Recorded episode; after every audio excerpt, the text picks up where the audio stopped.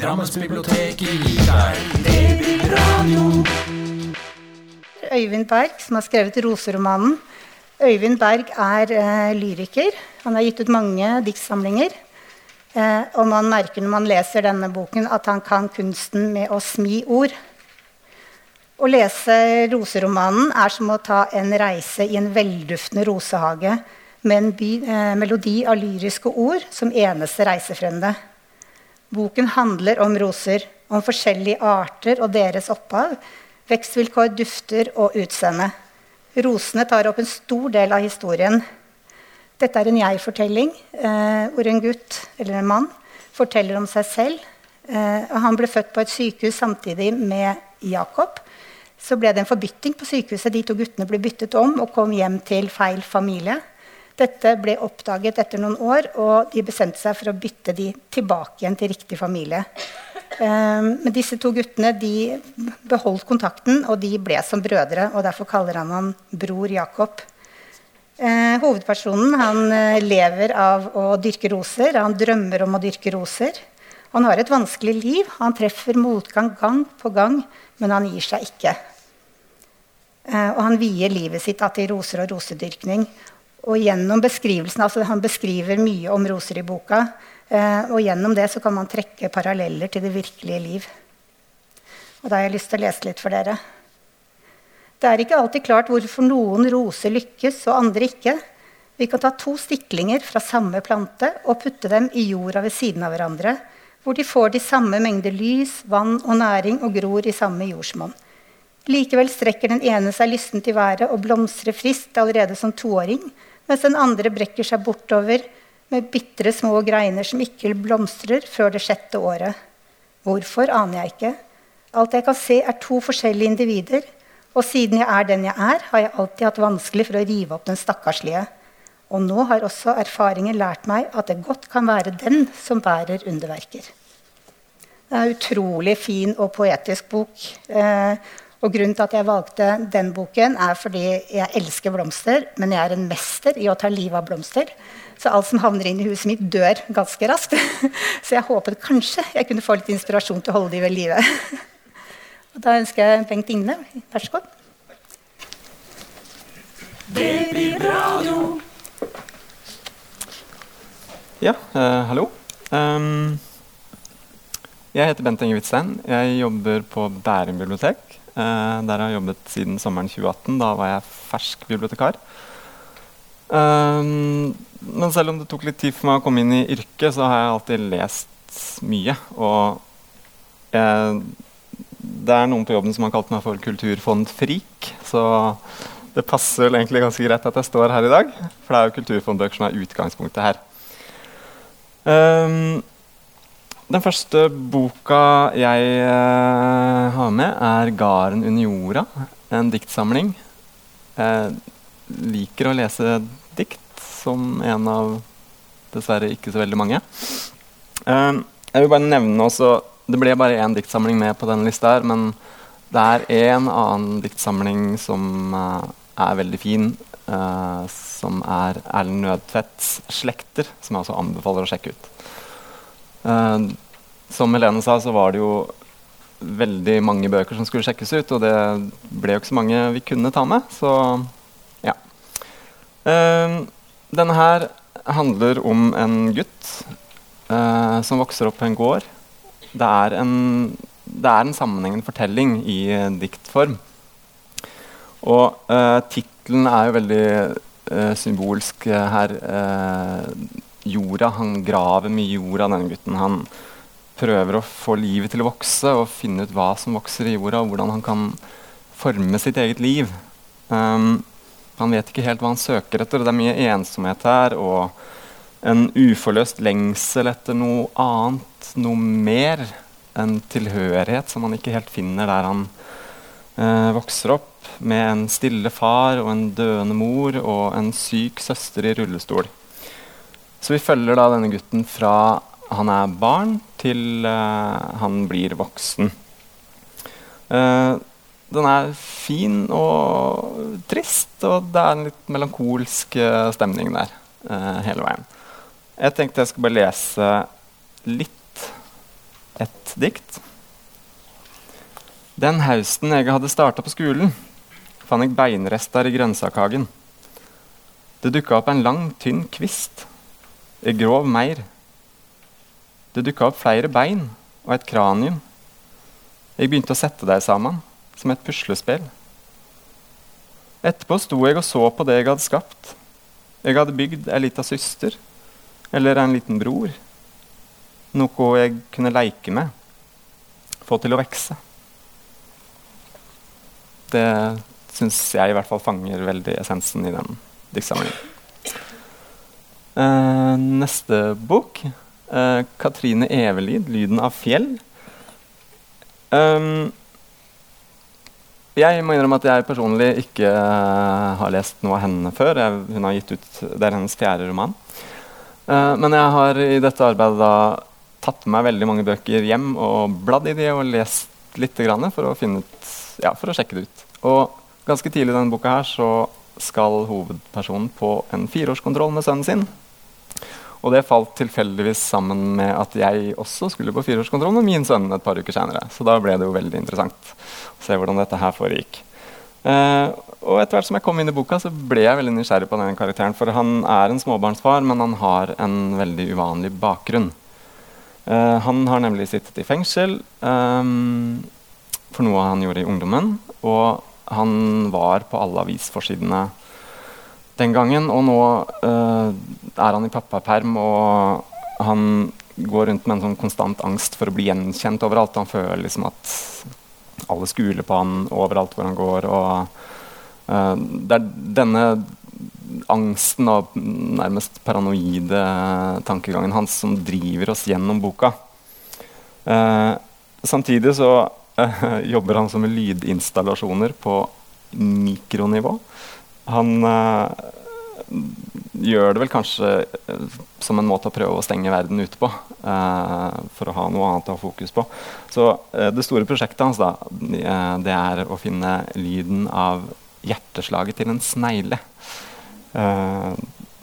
ja, det går også gjennom boka.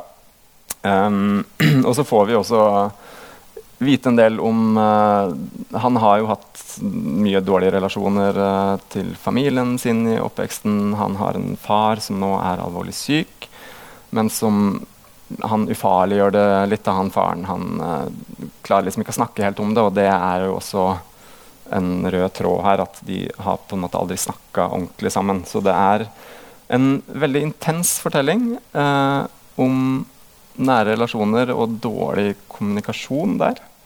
Og så er det jo spørsmålet da om han noen gang blir ferdig med å sone. Ja. Takk for meg. Da er det Kjersti.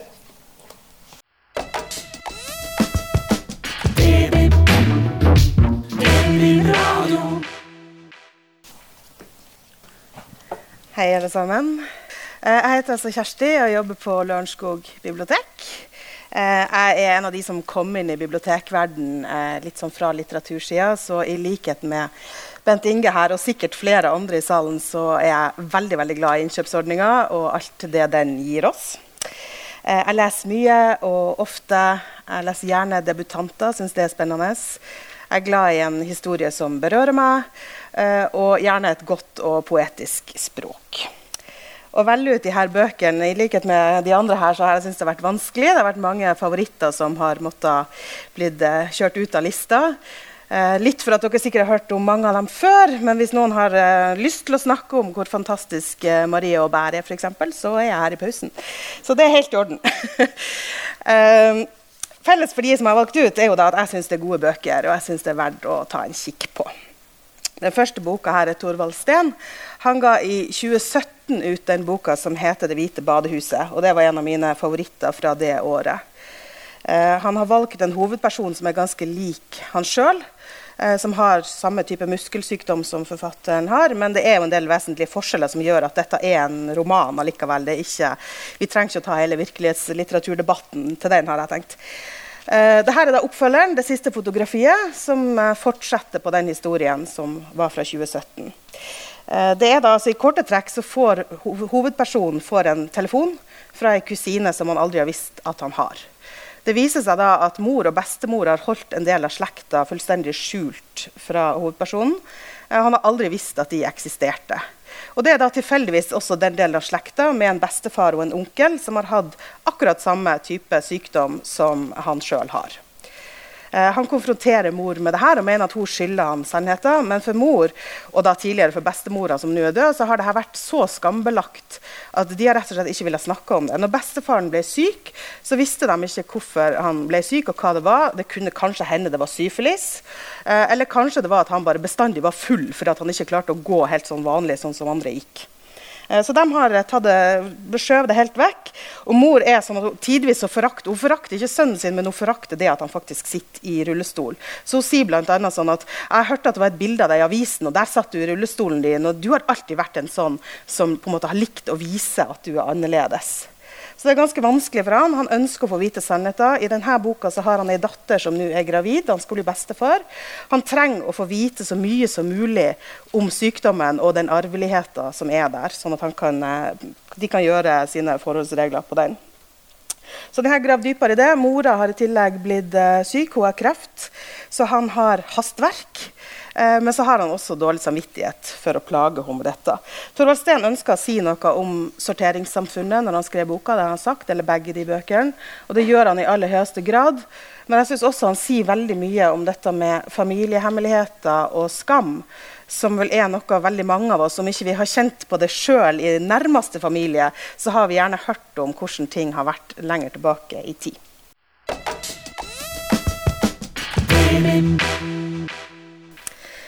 Neste bok er Kjartan Brygge Bjånesøy. Han er journalist. Eh, har jobba mange år for Dagbladet Magasinet. Nå jobber han frilans. Han har gitt ut to sakprosabøker tidligere. Men jeg skal innrømme at eh, Kumle og fotballspilleren Raymond Kvisvik det er litt utenfor mitt interessefelt. Så de har jeg ikke lest.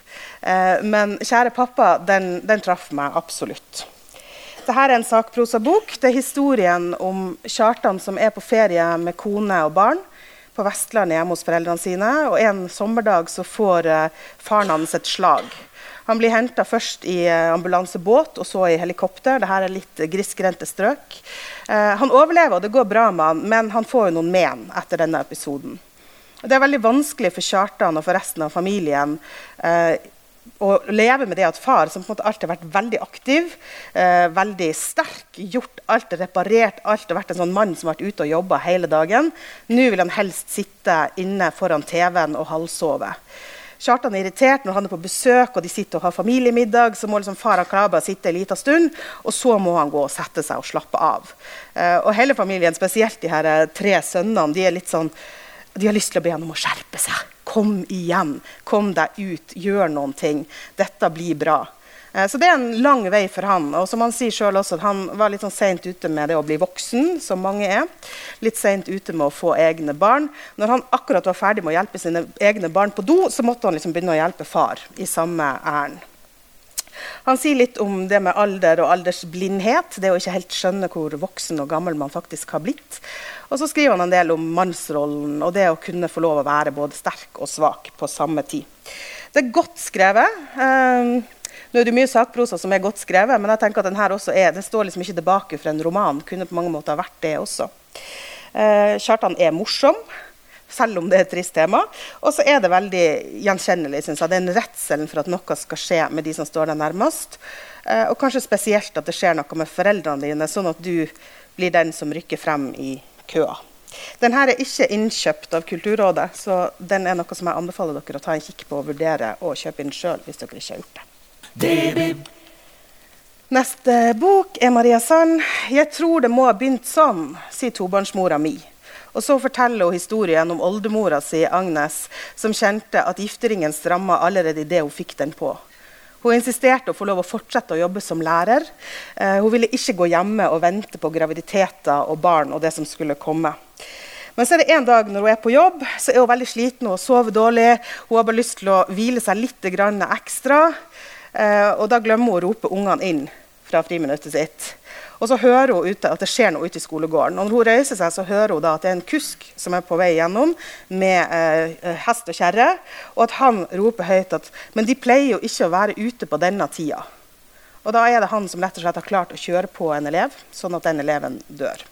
Dette preger eh, Agnes i veldig stor grad, selvsagt. Og det er kanskje her historien begynner. Den uroa og den sårbarheten som preger Agnes, som preger dattera hennes, datterdattera, og til slutt da også oldebarnet Mi. Jeg tenkte jeg skulle lese litt fra begynnelsen, sånn at dere får et inntrykk. Dette er da den voksne Mi, som er liksom hovedpersonen i boka. Under senga har jeg dyttet en Ikea-boks. Den rommer ganske mye. Jeg har fylt den med gaffateip og hermetikk, kikerter, mais, linser, tunfisk. Jeg har vært på Claes Olsson og kjøpt sånne små masker til å ha foran munnen og nesa. De ligger også oppi der. Og flere halvannenlitersflasker med Imsdal. Bak skapet i kjelleren har jeg satt to hyttedunker med vann fra springen. Leo ser ikke at de står der. Han leter ikke. Han lurer ikke på hva jeg driver med når jeg drar de store dunkene ned kjellertrappa. Han sier ikke hei når han kommer, eller ha det når han går. Han synker bare ned på stolen og spiser stille. Ikke se noen inn i øynene, sa mamma hver morgen før jeg gikk til skolen. Bare gå rett fram uten å se på noen, sa hun. Hvorfor det, spurte jeg, men hun svarte ikke. Hun bare surret skjerfet strammere om halsen min og dyttet meg ut døra, redd for at jeg skulle komme for sent. Og pappa snakket om gaffateip og den kalde krigen. At man kanskje måtte teipe alle vinduer med gaffa, alle sprekker og hull. Han sa det mens han stumpet sigaretten i det store marmoraskebegeret på skrivebordet. Lyset fra skrivebordslampa gjorde øynene hans enda større, enda mørkere. Man må tette sprekkene godt, sa han, og fortalte om radioaktivitet og uran og den store soppen som kan velte seg utover himmelen, legge seg i lufta og i regnet, sette seg på klærne våre. Det er viktig å følge med, sa pappa. Ikke vimse i trafikken, sa mamma. Ikke slagstøvler i båten, sa morfar. Ikke pose over hodet, sa mormor. Og så på en måte alle i munnen på hverandre. Ikke se folk i øynene, ikke snakk med fremmede. Husk bilregistreringsnummeret om noen kjører etter deg for lenge. Aldri gå alene i mørket. Aldri. Og ring med en gang du er framme. Lover du det? Lover du det, Mi? Og sånn er altså denne boka. Det er Mi som forteller den historien. som sagt. Eh, det er også en del tilbakeblikk til hennes barndom. Hun har en veldig fraværende ektemann. Eh, jeg er usikker på om han faktisk er det, eller om det bare er hennes versjon av historien.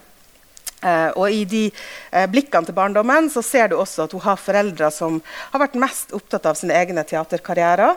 Uh, mest opptatt av å reise, prøve å slå gjennom i USA og gjerne feste når de først var hjemme.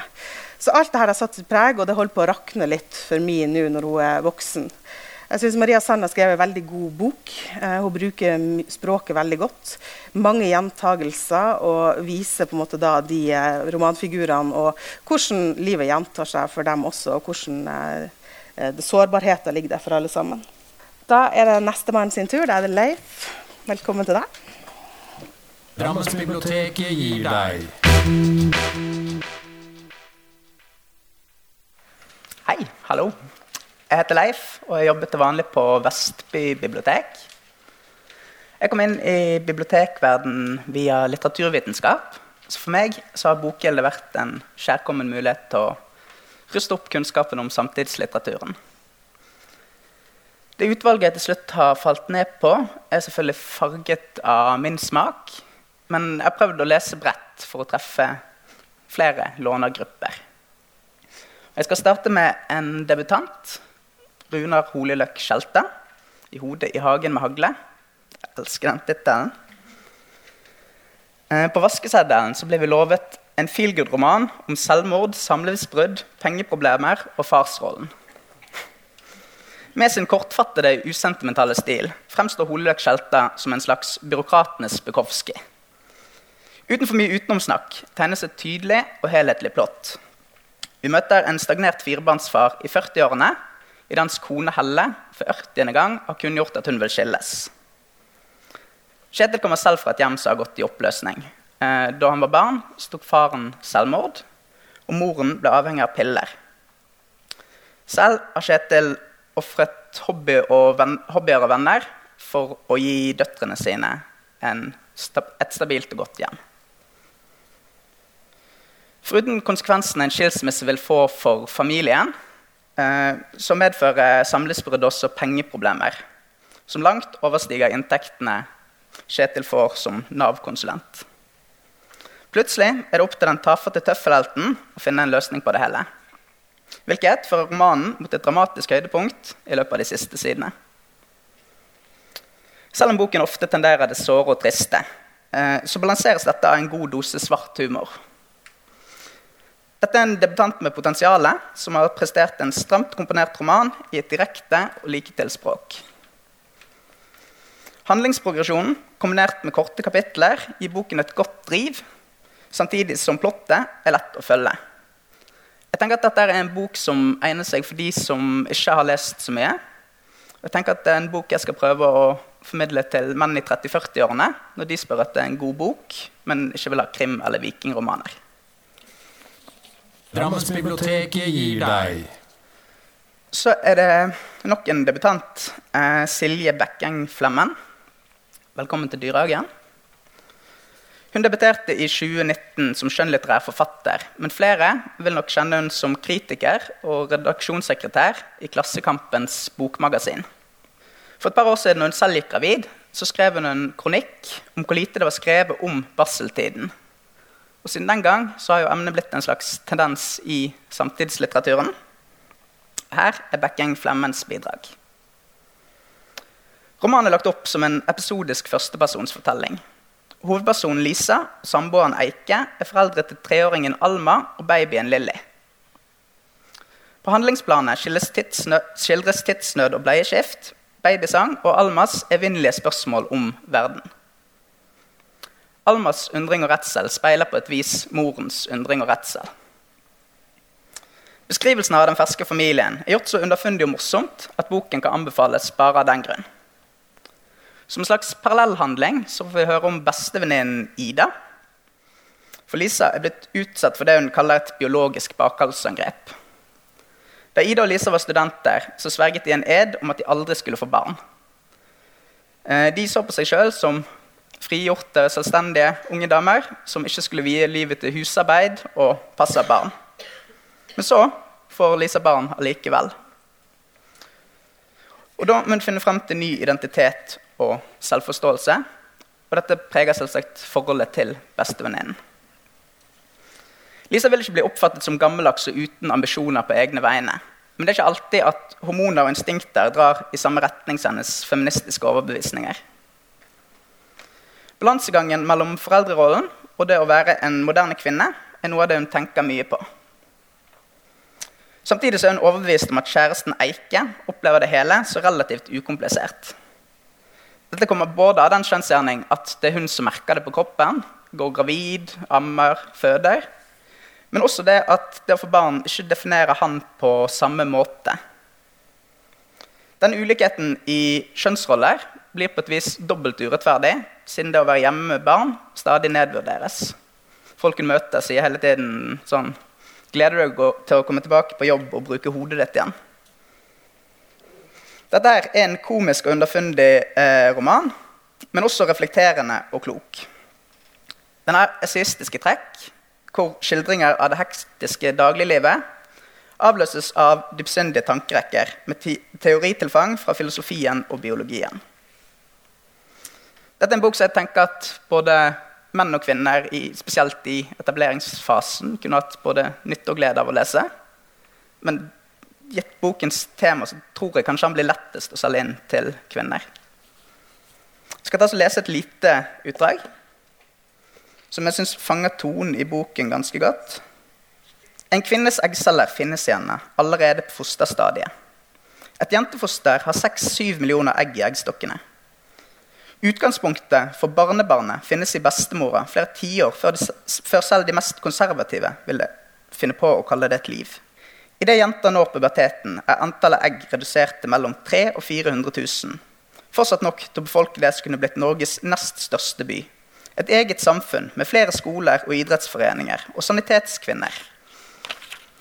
Med lange 17. mai-tog kveilende gjennom gatene, hornorkester og drillpiker. I min mors mage fantes mine døtres egg i min kropp. Vi har alltid vært sammen. Det var sånn mamma pleide å fortelle det da jeg var liten. Vi har alltid vært sammen. Jeg har en slags forestilling om det. Gjennomsiktigheten min, de tynne armene. Alt det myke, varme. Det totalitære ved vår nærhet. Drammensbiblioteket gir deg babyradio. Til slutt så har jeg med en ringrev Ehm, Jan Kristoffer Næss. Han ville ikke bare forsvinne. Dette her er hans åttende roman for voksne, men han har også skrevet for barn. Under forberedelsene til Bokgildet så har vi lest mye forskjellig. Deriblant en del innfløkt og språklig drevet litteratur. Og Da var det behagelig å komme over den her, som er en realistisk roman med et konkret og oversiktlig plott. Her møter vi Magnus, en skulptør i 50-årene, som lever livets glade dager med kunstmaleren Eva. Etter et tilfeldig samleie en gang i ungdommen fikk Magnus gonoré, som gjorde han stril. Dermed så er de barnløse. Eva forsonte seg med dette, og Magnus er tilfreds med tingenes tilstand. Men en dag får han en melding fra en mann i slutten av 20-årene ved navn Max, som kan fortelle at han er sønnen hans. Da han våknet ut på formiddagen, hadde han mottatt en melding på Messenger. Fra en mann som kalte seg Max Myrli. Mannens mor het Lea. Det måtte dreie seg om en misforståelse. Ellers var det en slem spøk. Magnus leste teksten en gang til og dobbeltsjekket fødselsåret Max hadde oppgitt. Det var vanskelig å ta inn over seg innholdet i teksten, som om det var en glipp mellom ordene da meningen rant ut. Han konsentrerte seg. Lea Myrli. Henne husket han faktisk. Og ikke bare fordi parfymen hennes hadde fått han til å tenke på muskatnøtt. Han hadde møtt henne én gang, sankthanskvelden 1989. Det samme året hadde han lidd seg gjennom to sommermåneder i støvet og møkkete jernbanevogner på det europeiske fastlandet. Margskjærende smerter hver gang han pisset. Gulgrønn utflod. En stank av råtten fisk under armhulene. Ikke lett å la seg bevege av fonta di trevi når det føles som om noen har ført en tynn kniv inn i urinrøret ditt. Etter gjenkomsten i august hadde en lege slått fast at Magnus hadde pådratt seg gonoré. Eller dryppert, som han muntert la til at det også kaltes på folkemunne. Men nå kom denne Max og ville konfrontere han med enda et resultat av det samleiet som hadde ødelagt han. Steril og far på én og samme natt. Det måtte kunne kalles ironi. Eva tar det tungt, for det viser seg at hun har lengtet mer etter å bli mor enn det Magnus har forstått. Hun har valgt en barnløs tilværelse fordi han ikke kan få barn. Så kommer han og sier at han har et barn. Etter å ha møtt den påståtte sønnen én gang, så erklærer hun at hun ikke vil ha noe med han å gjøre. Magnus på sin side oppdager til sin overraskelse at han er interessert i han som angivelig skal være hans sønn. Og siden Eva nekter å ha Max i huset, introduserer Magnus han for sin store lidenskap fjellklatring. Etter hvert som relasjonen til sønnen gradvis blir nærere, driver Magnus og konen fra hverandre. Gjennom eh, romanen ligger det som et spenningsmoment hva en farskapstest vil vise. Dette er en karakterdrevet fortelling med de mellommenneskelige relasjonene som omdreiningspunkt. Her er det karakterenes utvikling og leserens eh, potensial for innlevelse som er hovedsaken. Forseringen av fjell fungerer som et bilde og ledemotiv for strabasene karakterene må overvinne i løpet av romanen. Til sammen utgjør den en oversiktlig og kronologisk liten roman som blir litt klokere av å lese.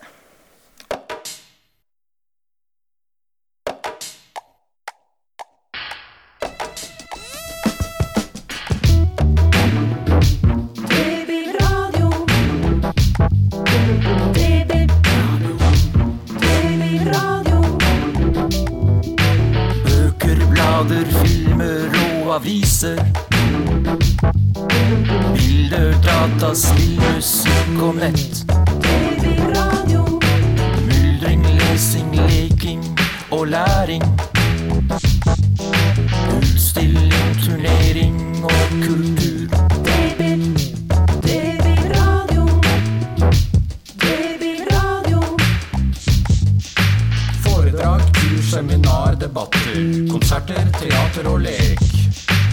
Drammensbiblioteket gir deg.